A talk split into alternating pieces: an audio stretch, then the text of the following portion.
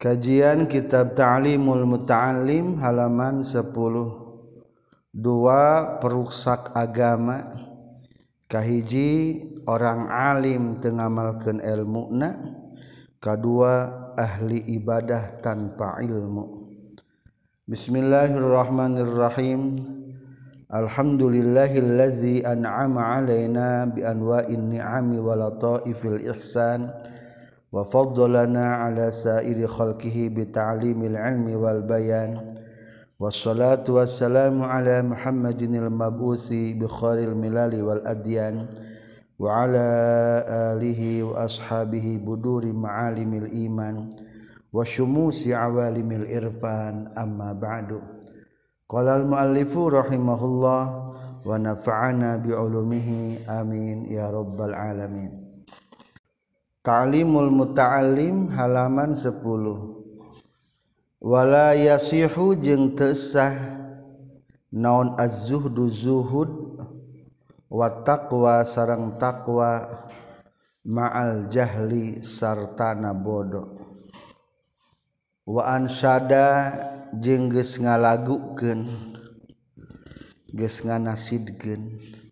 Saha as-syekhul imam assehu guru al-imamu anu jantan imam al-ajallu anu agung burhanuddin tegesna Syekh burhanuddin sohibul hidayah pengarang kitab al-hidayah. Syi'ron ngalagukeun kana syi'iran li ba'dihim kagungan sebagian para ulama' Syiir tina bahal tawil. Fa'ulun mafa'ilun. Opat kali. Fa'ulun mafa'ilun. Fa'ulun mafa'ilun. Fa'ulun mafa'ilun. Fasadun kabirun alimun mutahatikun. Wa akbaru minhu jahilun mutanasikun. Fasadun eta karuksakan kabirun anu gede. Alimun ari jalma anu berilmu. mutahatikun anu ngarumpak syariat berarti tengah ilmu wa akbaru jeung eta leuwih gede ruksakna. Minhu tibatan alimun mutahatikun. Jahilun ari jalma anu bodoh mutanasikun anu ibadah. Maksudna nyekel pageh kana kabodohan. Huma fitnatun fil alamina azimatun liman bihi ma fi dinihi ya tamassaku. huma arisi alimun mutahatikun jeung jahilun mutanasikun. Fitnatun eta fitnah fil alamina disadaya alam. Azimatun anu agung anu gede. Liman pikeun jalma bihima ka itu alimun mutahatikun. Jeung jahilun mutanasikun. Fi dinihi dina agamana eman. Yatamassaku nyekel pageuh ieu eman. Nadom Sunda bait pertama. Karuksakan nu pohara jalma ahli lalawora banget batan eta jalma. Bodoh getol ibadahna. Karuksakan nupohara jalma ahli lalawara banget batan eta jalma getol ibadahna. Bait kedua jadi fitnah dua nana kasakabe manusiana. manusia manusia nusok turutna. Kaeta dua jalmana sarang jadi fitnah dua nana. Kasakabe manusiana. Manusianu sok turutna. Kaeta dua jalmana. Wayanwi sareng niatan muta'allim. Ditulis kamari entas bihi ku ta'allum. ku belajar asyukra kana syukuran ala ni'matil akli kana nikmatna akal. Wasihatil badani jeung kana nikmat sehat badan. Walayanwi jeung ulah nganiatan muta'allim bihi ku ta'allum. Iqbalan nasi kana madep na jalma-jalma walas tijlaba hitamid dunya. Jeung ulah niat narik harta banda dunia istijlab narik hitam harta banda dunia wal karomata jeung narik kana kamuliaan inda sultani disandingan pamarentah. Wa ghairihi jeung salianti itu karomah. Maaf wa ghairihi jeung salianti sultan. Nyaurkensa Muhammad bin Hasan rohhimah mugamika ashuka Muhammad bin Hasan saha Allahu ta'ala Allah ta'ala laukana lamun kabuktian saan nasu jalma-jalma kulluhum tegesna sakabena ennas abidi eta hamba kami. La taktu yakin rek ngamerdekakeun kaula hum ka itu abidi. Wa tabarratu jeung rek lulubaran kaula an wilaihim tina asobah peperdekaanana itu abidi waman jeung saha jalma wajada anu geus manggihkeun man lazzatal ilmi kana lezatna ilmu wal amali jeung kana lezatna amal bihi kana ilmu. Qallama yargobu saeutik pisan resep ieu iman Vimadina perkara indan nasi anu tetap disandingan jalma-jalma.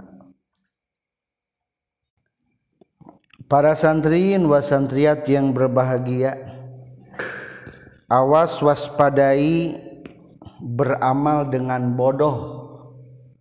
Dina hartos beramal tanpa pakai ilmu. Dan mual diterima wa kullu man bighairi ilmin ya'malu amaluhu mardudatun la tuqbalu. Sahajalma nu amal teu jeung ilmuna amalna teh ditolak mual ditarima beribadah tanpa ilmu ditarima mual. Mual. Maka di dia diterangkan wala yasihu zuhdu wa taqwa ma'al jahli.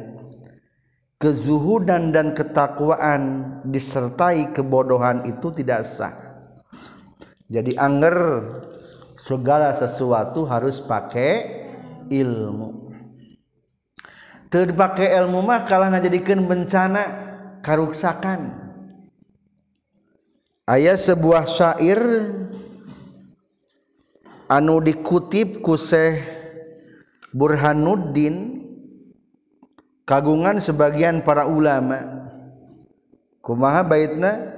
Fasadun kabirun alimun mutahatikun wa waakbaru minhu jahilun mutanasikun karuksakan nupohara jalma ahli lalawora. Banget batan eta jalma bodoh getol ibadahna. Ayat dua perak peruksak agama nuliadomkeun dina ieu bait. Satu perusak agama adalah alimun mutahattikun. Orang berilmu anu ngaruksak karena syariat. Ongkoh berilmu tapi tadi amal ke ongkoh berilmu judi osok. Ongkoh berilmu dangdutan hayu ongkoh berilmu. Kadang-kadang nangkring di jalan sholat tara. Tak itu tenan benca bencana. Mata kade sok ayah suatu aliran-aliran sesat. Meskipun julukanana murabbi meskipun julukanana tuan guru meskipun disebutna syekh lamun menyalahi menyimpang malah tuturkeun bapak zaman ayah mah sok aya bae eta menyimpang. Naudzubillah ayatnya padepokan padepokan disebut nasih ternyata membawa ajaran-ajaran menyimpang. Kadang-kadang zina naudzubillah dilegalkan. Kadang-kadang salat diperhatikan. Eta teh ciri peruksak aga agama. Jadi kahiji saha agama alimun mutahatikun yang berilmu meruksak syariat. Berarti tengah ilmu nah anuka kedua lebih parah lagi sah waakba rumin huja hilunmu tanasikun orang bodoh ahli ibadah. Maksudnya lain goreng jadi ahli ibadah nah ibadah dengan kebodoh kebodohan. Ruksak eta teh kade tu tingalikeun ulama tingali ulama. Lamun salat teh tingali ulama. Ulah ieu mah nu loba variasi dituturkeun. Tingalina ka ulama. Atau dina sebuah hadis dina kitab Mukhtarul Hadis ayat tilu peruksak agama. Kuma hadisna afatuddin salah satun bahaya na agama ayat tilu. Kahiji faqihun fajirun. Ahli fikih anu lacut. Ongkoh berilmu tapi berkhianat. Kadang-kadang mendekati para pejabat kadang-kadang mendekati pemerintah melegalkan anu haram. Ilmu na kalah-kalah dijadikan alat. Lain alat kebaikan alat untuk melegalkan. Wah memberikan tafsir Al-Quran bukan dengan seharusnya tapi menafsirkan Al-Quran dengan sesuai keinginan anak. Kamu ayunannya ke musim partai. Pendukung ia ayat Quran ayat pendukung ia ayat Quran ayat pendukung ia ayat Quran ayat kadek bisa kalebetkan faqihun fajir. Artinya ahli fikih anu lacut kedua sah perusak agama. Wa imamun jairun pemimpin. Anu lacut anu menyimpang. Naudzubillah mudah-mudahan diurang. Di momen-momen pilpres Allah menghadirkan para pemimpin-pemimpin anu adil. Ketika pemimpin di barengan kejahatan naudzubillah ruksak loba negara-negara muslim anu dikuasai ku kafir gara-gara tina politikan. Direbut ku imamun jairun imam-imam anu loba dorakana anu loba menyimpang. Katilu adalah saha. Wa mujtahidun jahilun peruksak agama teh. Orang yang beristihad dengan kebodohan. Memberikan fatwa dengan kebodohan lobanya. Orang-orang Wahabi di YouTube ngomong tentang Palestina tapi salah. Naudzubillah muzdahidun jahilun tak kadang-kadang mengomentari Quran hadis sesuai dengan golongan anak muzdahidun jahilun. Kapan sudah dicontohkan tafsir-tafsir Quran yang hadis teh oleh generasi para sahabat ku Allah teh dibere tilu generasi terbaik. Saha kaiji sahabat. Kedua tabi'in. Katilu tabi'in tabi'in. Ikuti tata cara pentafsiran aranjiran nu tilu. Ya orang alhamdulillah ahli sunnah wal jamaah mengikuti cara pentafsiran para tabi'in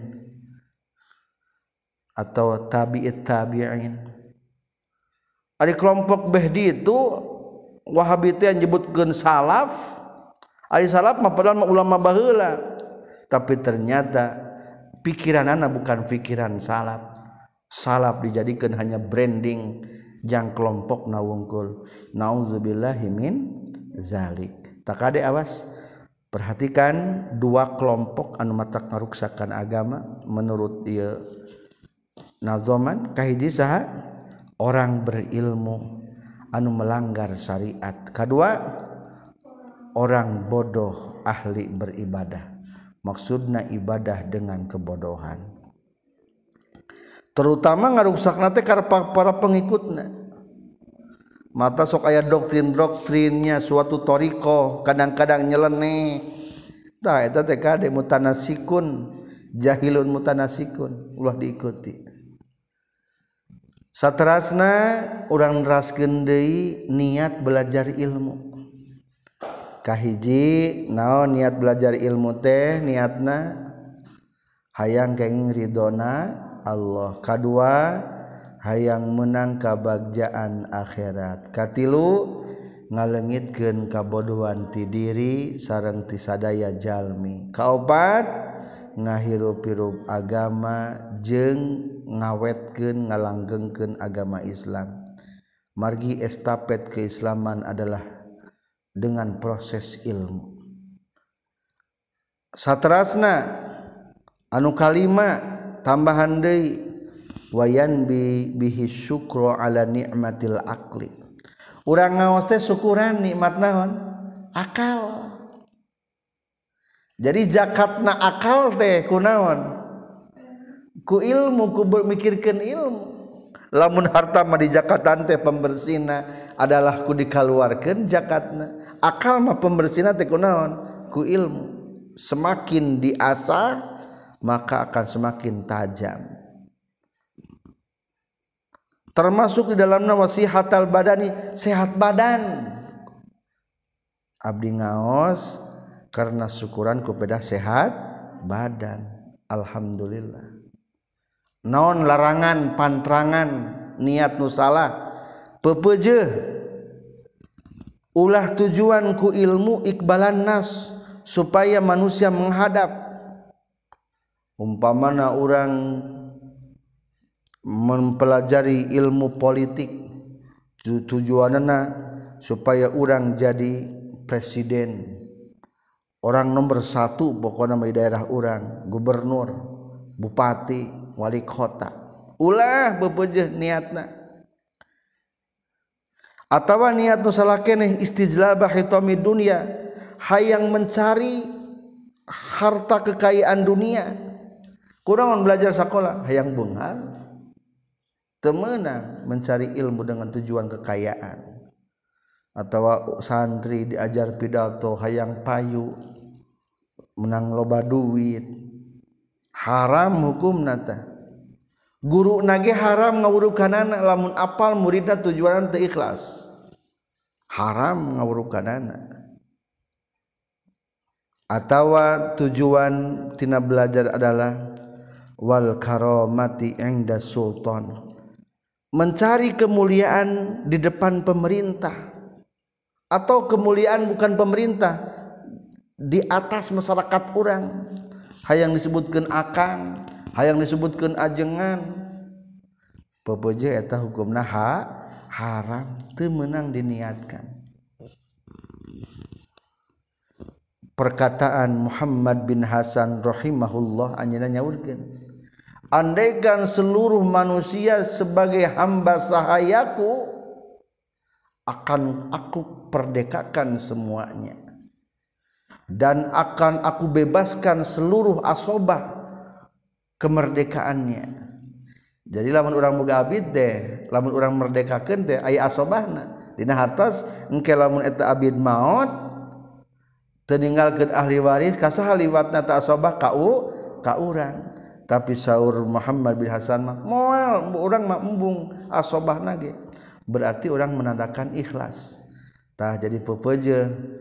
lamun orang boga ilmu bukan untuk memperbudak orang lain.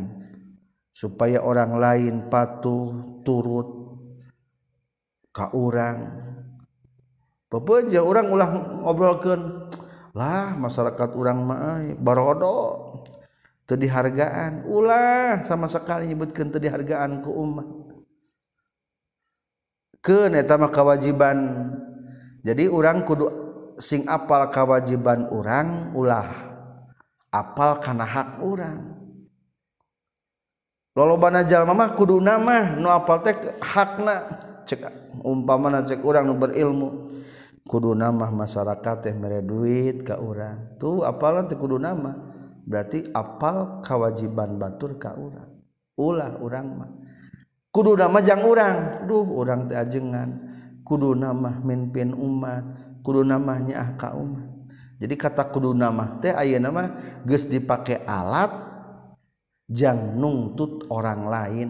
Lain alat nungtut diri sorangan jadi kadek ulah seetik kudu nama kalau teh mere ka urang. Cek kalau tak kumaha? Kudu nama anak mere ka urang. Cek tetangga kudu nama nubenghar teh mereka urang cek nubenghar kudu nama nu pakirmah sing rumasa. Tuh jadi pagelebut kudu nama. Kadek kudu nama ulah digunakan yang menuntut orang lain sesuai hati kita. Tapi kata kudu nak yang nuntut diri kita untuk melaksanakan kewajiban kita. Terakhir sebagai penutup waman wajada lazzatal ilmi wal amal qallama yarghabu fi ma dan nas. Lamun urang geus menikmati rasa lezatnya ilmu dan rasa nikmatnya beramal sedikit sekali mengharapkan dan mencintai yang ada di tangan manusia. Pepeje ulah toma ulah hayang dibere nyen aya di batur sekian. Subhanaka allahumma bihamdika. Asyhadu an la ilaha illa anta. Astaghfiruka wa atubu ilaik. Walhamdulillahi rabbil alamin.